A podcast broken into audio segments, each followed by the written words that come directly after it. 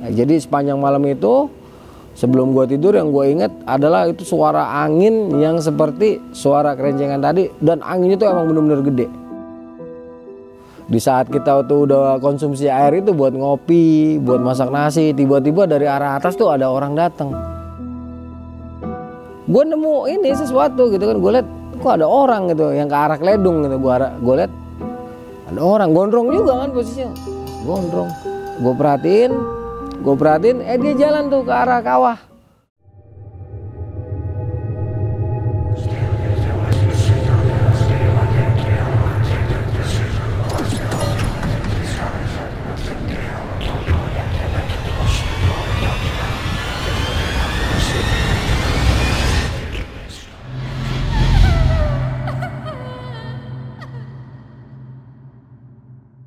Bismillahirrahmanirrahim. Assalamualaikum warahmatullahi wabarakatuh. Salam sejahtera untuk kita semua. Kembali lagi bersama gue Sumaradi Wijaya atau biasa dipanggil Lumang dalam segmen kisah mistis pendaki. Di samping gue sudah ada Kang Ada Sena. Ini video adalah kelanjutan dari Gunung Sumbing pada tahun 1997 Betul. Jadi teman-teman semua kalau pengen nonton video ini tonton dulu video yang uh, Gunung Sumbing pada tahun 1997. 97. Linknya ada di link deskripsi atau di pojok kiri atas ini ada kalian tonton dulu baru kalian tonton video ini. Betul. Dan selepas video ini kalian juga tonton atau mampir di channel Kang Arya Sena Cerita Pendakian. Bagaimana kisah dari Kang Arya Sena bersama temannya atau bersama rekannya yaitu Bang Babe, Bang Geboy, dan Udang. Bang Udang. Saksikan setelah yang satu ini.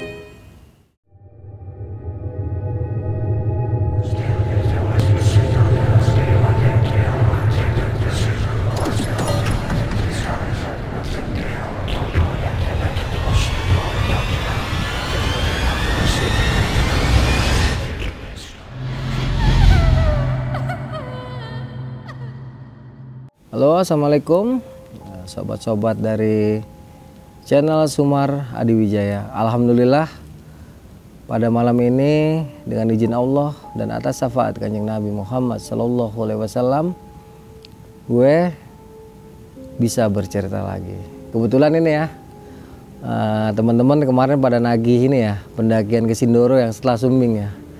Insya Allah malam ini akan gue ceritakan. Mudah-mudahan Allah selalu memberikan ingatan serta kesegaran memori di dalam otak gua. Jadi gue bisa bercerita paling tidak mendekatilah hal yang gua alami pada tahun 1998. Di sini ada ada kesalahan sedikit ya dalam penulisan di tulisan gua. Eh, karena memang kejadiannya udah cukup lama sekitar 23 tahun lalu ya wajar lah ya karena rentan waktunya tuh udah cukup lama. Setelah gue cerita sama setelah gue cerita sama Sumar kemarin baru gue ngeh nih oh iya ternyata gue naik Sumbing itu kan habis Lebaran. Nah sambung ke Sindoro itu itu sekitar satu minggu atau satu bulan setelahnya. Karena Babe ini bener-bener falling in love sama yang namanya Desi. Desi sang kembang Wijaya Kusuma yang hadir di saat hujan di malam hari telah membuat hati teman gue tuh benar-benar berbunga-bunga pada saat itu. Oke, kita mulai ceritanya ya. Jadi setelah pulang ke Jakarta, eh, gua ya biasalah aktivitas gue saat itu gua eh, dengan aktivitas kampus gua eh, beberapa kali gue main ke Depok lama itu eh, Babe ternyata eh, kesulitan keuangan pada minggu-minggu pertama sehingga kita berangkatnya akhirnya itu kira-kira satu bulan lah setelah pendakian kita ke Gunung Sumbing. Dah biasa lah gue nongkrong di Depok lama itu masih geboy sama anak-anak lah intinya saat itu membahas untuk pendakian ke Gunung Sumbing. Ya tentunya di sini yang paling nafsu Babe lah ya karena hatinya udah terpincut sama seorang gadis cantik dari kota Wonosobo. Pembicaraan itu gue nggak terlalu banyak inget ya. Ah, ya intinya tuh gue ngomong-ngomong di Depok Lama tuh eh, bagaimana teknis pendakian, terus bagaimana nanti di mana di Wonosobo itu si Babe bisa lancar deketin Desi. Pokoknya teknis-teknis untuk deketin cewek itulah yang yang kita bahas. Nah, gua sama Gayboy kan termasuk inilah, termasuk biang kerok kalau urusan cewek ya. Ya udah nih. Playboy cap kampak dua ngajarin anak kemarin sore gitu kan. Udah kita ajarin nih bentar kalau kalau sama Desi gini gini gini itu pendapat dari gua, pendapat dari Gayboy gini gini gini gini gitu kan. Itu berapa berapa hari ya kita ngomongin itu? Mungkin sekitar dua malam lah, dua malam atau tiga malam akhirnya fix nih Gayboy ikut, gue dan Udang pun kembali ikut karena Udang penasaran sama Sindoronya dia udah naik sumbing berempat sama gua fix yang lain nggak bisa ikut malam itu setelah fix udah gua balik ke rumah packing siap-siap ah, Babe ini kan uh, dia kenapa bisa ngongkosin gua karena kan orang tuanya kerja di PT KAI ya kalau dulu PJKA dia setiap naik kereta api itu gratis nah jadi tiket untuk beli kereta saat itu juga tergolong murah ke Semarang. Ke Semarang itu cuman kalau nggak dapat duduk itu lima ribu rupiah, kalau dapat duduk itu sembilan ribu rupiah tiket kereta. Ya tapi kalau dibandingin kurs dulu sama sekarang ya sama aja sih hitungannya. Cuman saat itu terhitungnya murah lah. Merem si babe kalau duit segitulah. Jadi kita waktu itu kalau gua ongkos sendiri gitu kan. Udah ritualnya biasa.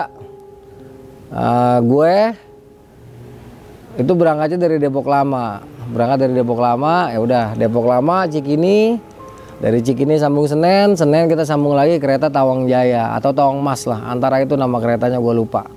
Kalau nggak Tawang Mas ya Tawang Jaya. Dan kita masih turun di stasiun Tawang bukan di Poncol. Jadi saat itu kereta ekonomi maupun kereta bisnis ataupun eksekutif semuanya masih berhenti di stasiun Tawang.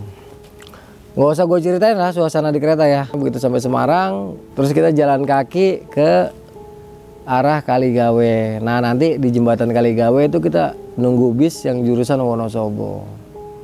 Di sini ada perbedaan. Kalau dulu kita turun di Garung ya waktu ke Sumbing maka dalam pendakian kali ini kita langsung ke kota Wonosobo ke terminal lama Wonosobo ya bukan terminal yang sekarang dulu terminal lamanya kecil dan dia deket sama rel kereta singkat kata dalam perjalanan di mobil ini sampai ke Wonosobo ini ada kejadian kocak. Nah udang ini kan gue kan informasi informasi dari si Desi itu bahwa besok kita naik Sindoro itu nggak dari jalur Kledung, tapi kita naik dari jalur Tambi. Nah di sini sepanjang jalan nih si udang konyol banget. Mungkin karena dia emang Betawi betul ya, jadi ngomong Tambi ini salah. Jadi sepanjang perjalanan di mobilnya ngomong, "Nge, ntar kita naik dari Tempi ya." itu kata-kata itu diulang-ulang terus. Gue bilang, "Nih anak tempat Tempi, tempat Tempi gitu kan." Itu ya mungkin kalau kalau itu bukan orang Jakarta yang ngomong ya, mungkin udah ditabokin sama orang satu bis kali ya. Itu penumpang satu bis ketawa-tawa aja karena sih udah bentar-bentar, "Nge, kita naik dari Tempi ya." Tempi lagi. Gue bilang, "Tambi." oh ya Tambi terus dia bilang ntar nggak lama dia ngomong itu lagi akhirnya gue bilang Tambi oh gue bilang saking gue udah kesel ya ah itu kocak sih udang deh dang kalau lu nonton lu main kemari dang gue kangen sama lu beh boy datanglah kemari kita cerita sama-sama nih di channelnya Sumar Adi Wijaya nih ya biar seru kita bagilah pengalaman kita oke kita balik lagi ini kejadian lucu di bis ya Nggak lama kita sampai terminal Wonosobo. Nah rumahnya Desi itu cuma sejengkal dari terminal Wonosobo. Bokapnya Desi ini seperti gue bilang kemarin, ini orang beken di sana. Jadi ketika kita nama bokapnya, kita tanya nama bokapnya, gue lupa nama bokapnya Desi ya. Ketika kita tanya, oh itu tukang delman kayak tukang angkot kayak preman kayak itu tahu semua. Oh langsung di sana itu rumahnya Pak siapa? Gitu, bapaknya Mbak Desi kan ya. Kita langsung diantar malah sama tukang delmannya uh, jalan kaki. Emang deket banget nggak nyampe 50 meter si Desi rumahnya tuh dari dari terminal Wonosobo. Nggak lama kita datang Desi kaget dong. Wah gila ternyata beneran nih kita ke sana kan. Wuh, si Babe begitu sampai sana itu mukanya langsung merah padam gitu kan saking dia kangennya malunya atau macem-macem lah. Gua sama Boy mah cengar ya udah dibilangin kan resepnya. Ntar kalau deket si Desi jangan gugup biasa aja gitu kan anggap aja nih temen gitu kan. Jangan anggap orang yang apa cewek yang kita senengin. Soalnya kalau kita udah terpaku ke sana kita akan susah deketin cewek gitu karena apa? Kita terpenjara oleh perasaan kita sendiri. Jadi mau ngapa-ngapain tuh mau ngobrol sama tuh cewek akhirnya jadi susah jadi kaku. Sedangkan kita yang lepas ini akhirnya jadi malah punya nilai plus di mata tuh cewek. Udah berkali-kali babe dibilangin tapi ya begitulah mungkin karena dia baru pertama kali jatuh cinta ya. Udah jadinya dia kikuk sendiri tuh di tempat si Desi. Kita di tempat Desi dua malam. Dua malam nginep. Itu banyak lah planning-planning yang kita kita rencanain selama di sana itu tapi nggak berjalan mulus gitu. Harus ada bantuan gua atau gay boy. Sedangkan kita di sini kan kaku. Kakunya gini loh. Kakunya ngerinya si desinya malah ke kita. Karena kan kita lepas gitu kan. Lepas dalam arti ngegodain kayak muji-muji kayak kita cuek gitu kan karena memang kita biasa aja gitu. Beda sama babe yang diem ya gimana sih? Dia yang naksir dia diem baik gitu kan. Sedangkan kita ngobrol mulu. Akhirnya si Desi banyak kan ngobrol sama gua atau sama si boy kan repot di sini kan. Nah itu dua hari pertama ini udah kelihatan lah. Gay boy sama sama gua tapi kayaknya si Desi itu kayaknya ya waktu itu kayaknya lebih seneng sama si gay boy dari lihat dari tindak tanduknya cuman gay boy juga kan jaga hatinya babe tetap ngejauh intinya dua malam di sana kelihatan lah kalau babe ini bakalan gagal. Cuman kita kan nggak mau bikin babe patah hati kan tetap kita dukung terus dia. Ternyata hasilnya tetap si babe tetap nggak bisa ngomong kalau di deket si Desi. Ya udah kita mau gimana lagi? Kita udah sebagai temen tuh kan udah ayo ayo gitu kan maks apa ngegro-groin lah kalau orang orang Jakarta bilang. Tapi tetap aja dia kayak gitu ya udah Oke lah, nih urusan Desi selesai di sini dulu ya. Setelah dua hari kita persiapan, akhirnya si Gentur sama Imam kalau nggak salah temannya si Desi yang satu lagi itu datang. Ah, mereka lah yang tahu jalur Tambi. Jadi setelah kita rencanakan, logistik sudah kita persiapkan, ya, item-item pendakian juga sudah kita siapkan dengan baik. Mulailah kita bergerak menuju ke daerah Tambi. Tambi ya, bukan itu tadi ya yang si Udang bilang ya. Tambi. Nah, gue ingat waktu itu kita jalan sore. Sekitar jam 2 kita baru berangkat dari rumahnya Desi. Kita nunggu mobil itu agak lama yang ke arah Dieng kan. Gue lupa turunnya di mana tuh kita setelah kita naik mobil 3 per 4 nah, kita berhenti di depan uh, salah satu gapura lah. Gue nggak tahu nama desanya apa itu. Cuman abis itu kita jalan kaki ke atas baru baru sekitar setengah jam jalan kaki itu Uh, kita dapat omprengan, kita dapat cold bug yang kita berhentiin mau. Alhamdulillah.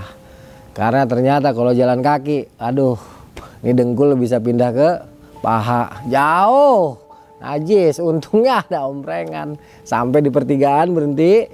Terus kita jalan ke kiri waktu itu gua ke kiri kira-kira setengah jam. Nanti kita ketemu kebun teh. Ini kebun tehnya luas banget.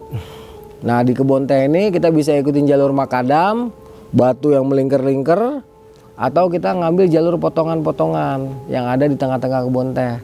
Kebetulan saat itu Gentur sama Imam kan tahu betul jalur ya, paham betul jalur. Akhirnya kita ikutin mereka.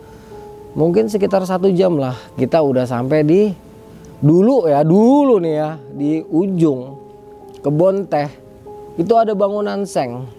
Ya, dia jadi eh, hanya tiang-tiangnya aja, atapnya tuh seng. Nah di pinggirannya itu sebelah kiri kalau nggak salah ada bak gede untuk nampung air hujan.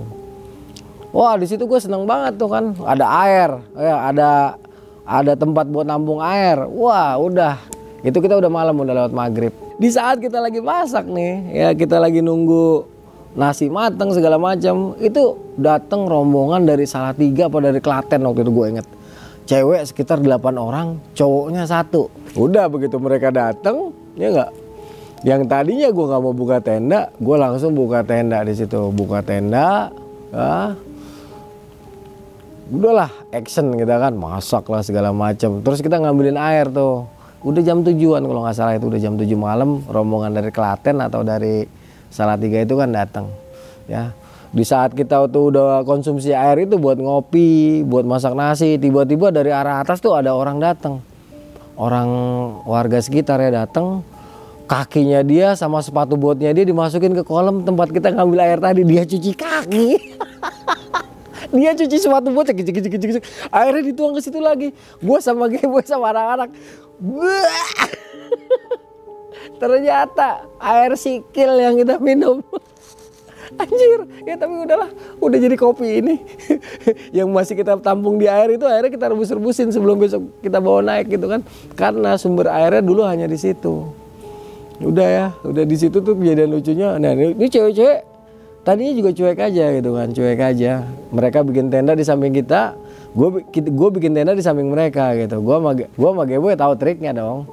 Ah kenapa? Gue bilang boy mulai beraksi. Apa sih yang bikin cewek dekat-dekat kita kalau di gunung? Api unggun. gua sama gue bela-belain cari batang teh kering sama ranting-ranting pohon itu.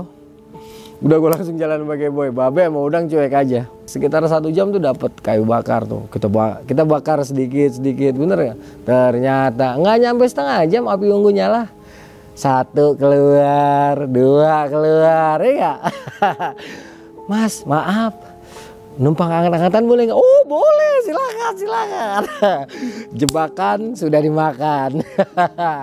Tinggal sekarang ngeluarin kopi ya nggak ajak ngobrol. Gua sama Gebo itu emang hobinya ngobrol, hobinya ngoceh, ya ngomong lebay. Ya itu ada empat orang, empat orang kalau nggak salah dari uh, bidadari kita yang datang pada malam itu ada empat orang yang bergabung sama kita. Ya udah kita gabung malam itu ya bakar-bakaran waktu malam-malam ini di saat kita lagi gua sama Gebo itu lagi sibuk lah malam-malam itu dengan kesibukan masing-masing itu emang kita sempat dengar suara ini suara semacam kayak apa namanya? Desiran angin tapi dia semacam ada kerincingannya gitu kan. Jadi kayak ada kerincing-kerincing tapi suara angin tuh tapi kayak tapi kayak kerincing-kerincing gitu modelnya. Itu semua orang dengar tapi kita diem-dieman aja. Sempat kita dengar kayak gitu.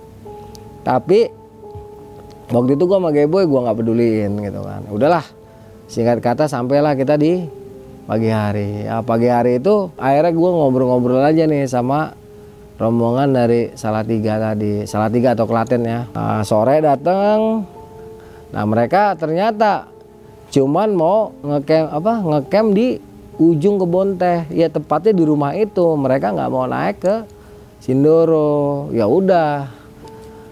Karena kita udah tertahan satu malam lepas dari jadwal malam itu kita ya, kata si Gentur kan kalau naik siang panas. E, bang kalau naik siang panas bang kita harus naik malam aja. Ya udah karena memang gue nggak tahu Medan kita akhirnya naik malam.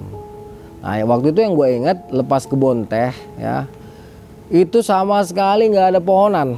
Gue nggak tahu nih kalau sekarang ini tahun 97 ya. Jadi lepas kebun teh kita jalan itu cuma semak belukar aja kiri kanan terus naik sampai ke mana ya. Itu nanti ada satu pos di atas itu pemandangannya bagus dari situ. Gua nggak tahu ini pos 3 atau pos 2 gua lupa ya itu kita di situ istirahat. Itu jalan dari kebun teh sampai ke situ sekitar 3 atau 4 jam. Itu lumayan itu jalan kita. Nah, tenda kan kita tinggal di bawah. Walaupun kita ngedepek doang tapi capeknya minta ampun. Karena jalurnya aduh mantep banget. Nah kita nah di pos di pos ini sempat istirahat gue tidur di jalur eh tidur di pos itu sebentar. Terus kita lanjut lagi. Jalan kalau nggak salah langsung ketemu jalur yang batu-batu.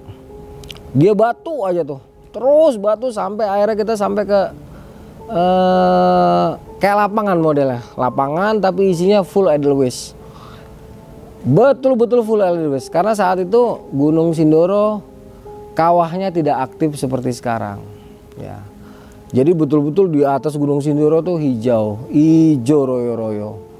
Nah, hijau royo-royo. Kita naik sampai di situ. Eh enggak, gue bawa keril. Semua diangkat barang-barang. Barang-barang diangkat, sorry sorry. Barang-barang diangkat. Itu yang bikin lama kita bergerak itu karena kita bawa air banyak banget. Bawa air banyak. Karena si Gentur waktu itu bilang e, kalau ke turun ke Danau Sindoro males gitu kan agak susah. Padahal Dulu di Sindoro tuh ada danaunya ya, di atas puncak itu, di kawahnya itu, di bawah itu ada danau. Danau kecil itu airnya seger banget. Gue inget banget tuh air mantep banget. Nah, itu sekitar jam berapa ya kita sampai ya? Mungkin sekitar jam 4 pagi kita baru sampai di puncak Sindoro. Itu langsung jalan, nyusurin lapangan. Oh nggak nggak jam 4 pagi sampai lapangan sih udah udah udah ini matahari udah terang matahari udah terang matahari udah terang terus kita jalan sekitar jam 8 atau jam 9 itu karena kita apa istirahat-istirahat terus itu kita sampai ke salah satu ruas yang ada di ujung lapangan itu yang sekarang ke arah puncak Sindoro dari Kledung. Nah, sampai di situ kita. Sampai di situ, nah di situ tuh udah ada satu tenda, satu tenda. Gua nggak tahu nih awalnya deh apa istilah ini tendanya anak mana gitu kan. Ya udah, kita duduk, kita bikin tenda di samping dia tuh.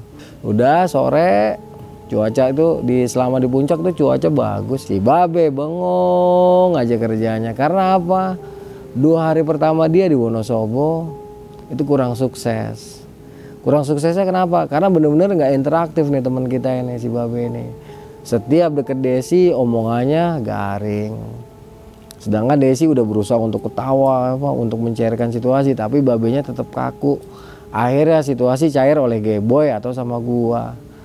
Nah, di sinilah mungkin kesedihan Babe ya. Babe banyak murungnya di atas. Kita nggak enak banget waktu itu sama Babe. Soalnya kan bisa dibilang pendakian ini eh, 70 sampai 80 persen itu dibiayain sama Babe, mulai dari logistik, bahkan separuh ongkos kita juga dibiayain sama si Babe kan? Tapi si Babe di puncak Gunung Sumbing ini banyak eh Sumbing di puncak Gunung Sindoro ini banyak bengongnya. Dia bengong aja kan? Itu sampai sekitar jam berapa ya? Jam biasa trek gua tuh bikin api unggun lagi kan? Jadi setelah kita bikin margin safe margin safe tuh berarti wilayah yang aman.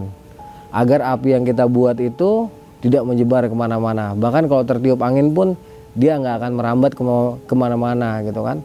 Jadi setelah margin safe kita kita buat nah, itu sampai dua lapis kita buat lapisan aman. Jadi kita bersihkan dulu rumput-rumput di sekitarnya itu kita gali ya di ini pusat api di tengah nih. Jadi lingkaran sekitar 60 cm itu kita kita bersihkan dulu. Kita jadikan tanah supaya tidak ada media api untuk merambat ke tempat lain. Nah setelah itu itu itu ring satunya kita bikin lagi ring duanya. Itu kita batasin sama batu-batu. Kita kelilingin bulat. Nah ring satunya nanti yang pas deket deket kobaran apinya kita lingkarin lagi sama batu-batu agak gede. Itu fungsinya apa? Untuk mengurangi terpaan angin agar bara, bara apinya tuh nggak terbang ke mana-mana.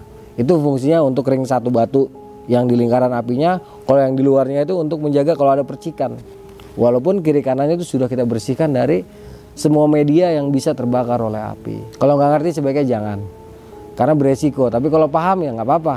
Yang penting sisa apinya sisa bakarannya itu jangan cuman diinjek-injek.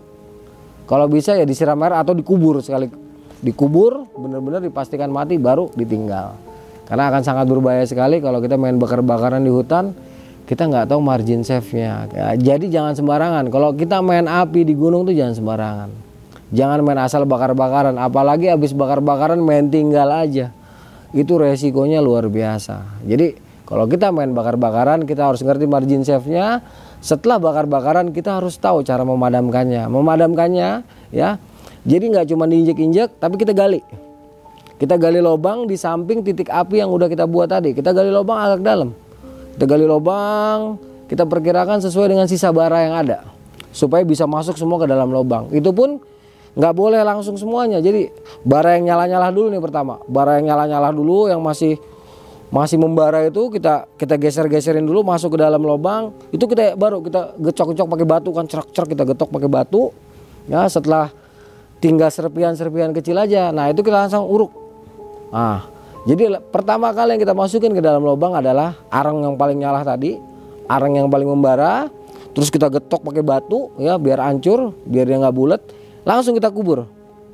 Kita kubur kita injek-injek yang apa sa sampai nggak ada rongga udara yang bisa membuat dia nyala lagi. Nah, baru sisa abu yang lain kita masukin lagi ke situ ya kita padetin lagi baru kita uruk. Uruk rata. Nah itu baru nggak akan ada yang namanya kebakaran hutan itulah trik kalau kita di gunung mau main bakar-bakaran ada trik amannya jangan main bakar-bakaran tapi nggak tahu trik amannya itu salah satu trik yang paling aman yang membuat bara tidak akan terus menyala dan membakar media-media lain yang bisa dengan mudah terbakar. Setelah kita matiin api, kita masuk ke dalam tenda. Kebetulan pas naik itu eh, tenda yang di bawah cuma satu, nggak dua gitu kan. Yang satu ditinggal di bawah. Karena si cewek yang kemarin uh, kita malam-malam bareng tuh anak salah tiga mereka bilang mau nunggu. Mau nunggu sampai kita turun kan. Wah jaminannya tenda tadi. Nggak nggak tahu kenapa ya. Saat itu aman gitu. Jadi kalau kita ninggal tenda di bawah ya aman. Nggak kayak kalau sekarang mah kelar. Kalau dulu aman. Udah kita percaya percaya aja gitu kan. Udah kita tinggal tenda. Jadi pas di Sindoro ini kita cuma ada satu tenda. Tapi nggak apa-apa ya anget kok nah karena tenda yang di bawah itu tenda empat orangnya enam akhirnya gue tidur di luar waktu itu masih udang nah ini nih ada sedikit kejadian serem juga di sini nggak nggak banyak pendakian gue ke Sindoro ini bisa bisa dibilang horornya tuh dikit banget. Jadi kalau yang mau cari cerita horor, mohon maaf ya, dalam pendakian ini nggak ada sedikit. Nah, waktu gue tidur di luar, yang gue ingat itu angin, angin gede banget pertama. Kayaknya emang badai deh. Soalnya suara gemuruh anginnya tuh luar biasa. Wancang banget. Uh, itu suara gemuruh angin itu benar-benar kencang. Setelah suara gemuruh angin ini ya sama kayak kemarin lagi. Jadi suara angin itu kayak suara ini, kayak suara apa ya? Apa eh, kecerengan gitu, percis kayak gitu suaranya. Kita dengar kayak gitu, kayak suara-suara kecerengan kayak gitu. Nah nggak lama baru nih. Kan gue mau kencing tuh malam ya. Gue mau kencing, si si udang gue gue bangunin. Udang lu mau kencing nggak? Kalau mau kencing ayo bareng sama gue.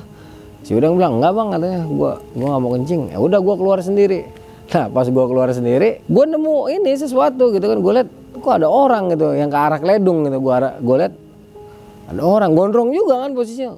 Wah gondrong. Gue bilang geboy, kapan keluar sih geboy ya? Mirip banget geboy masalahnya. Gue perhatiin, gue liat-liat mirip banget si geboy nih. Perawakannya mirip banget geboy. Gue perhatiin ya. Gue liat kok sendirian malam-malam. Apa temennya si ini nih? Si Nenggelis tadi gitu kan. Apa temennya dia ya? Tapi gue sendirian di situ kan gue perhatiin gue perhatiin eh dia jalan tuh ke arah kawah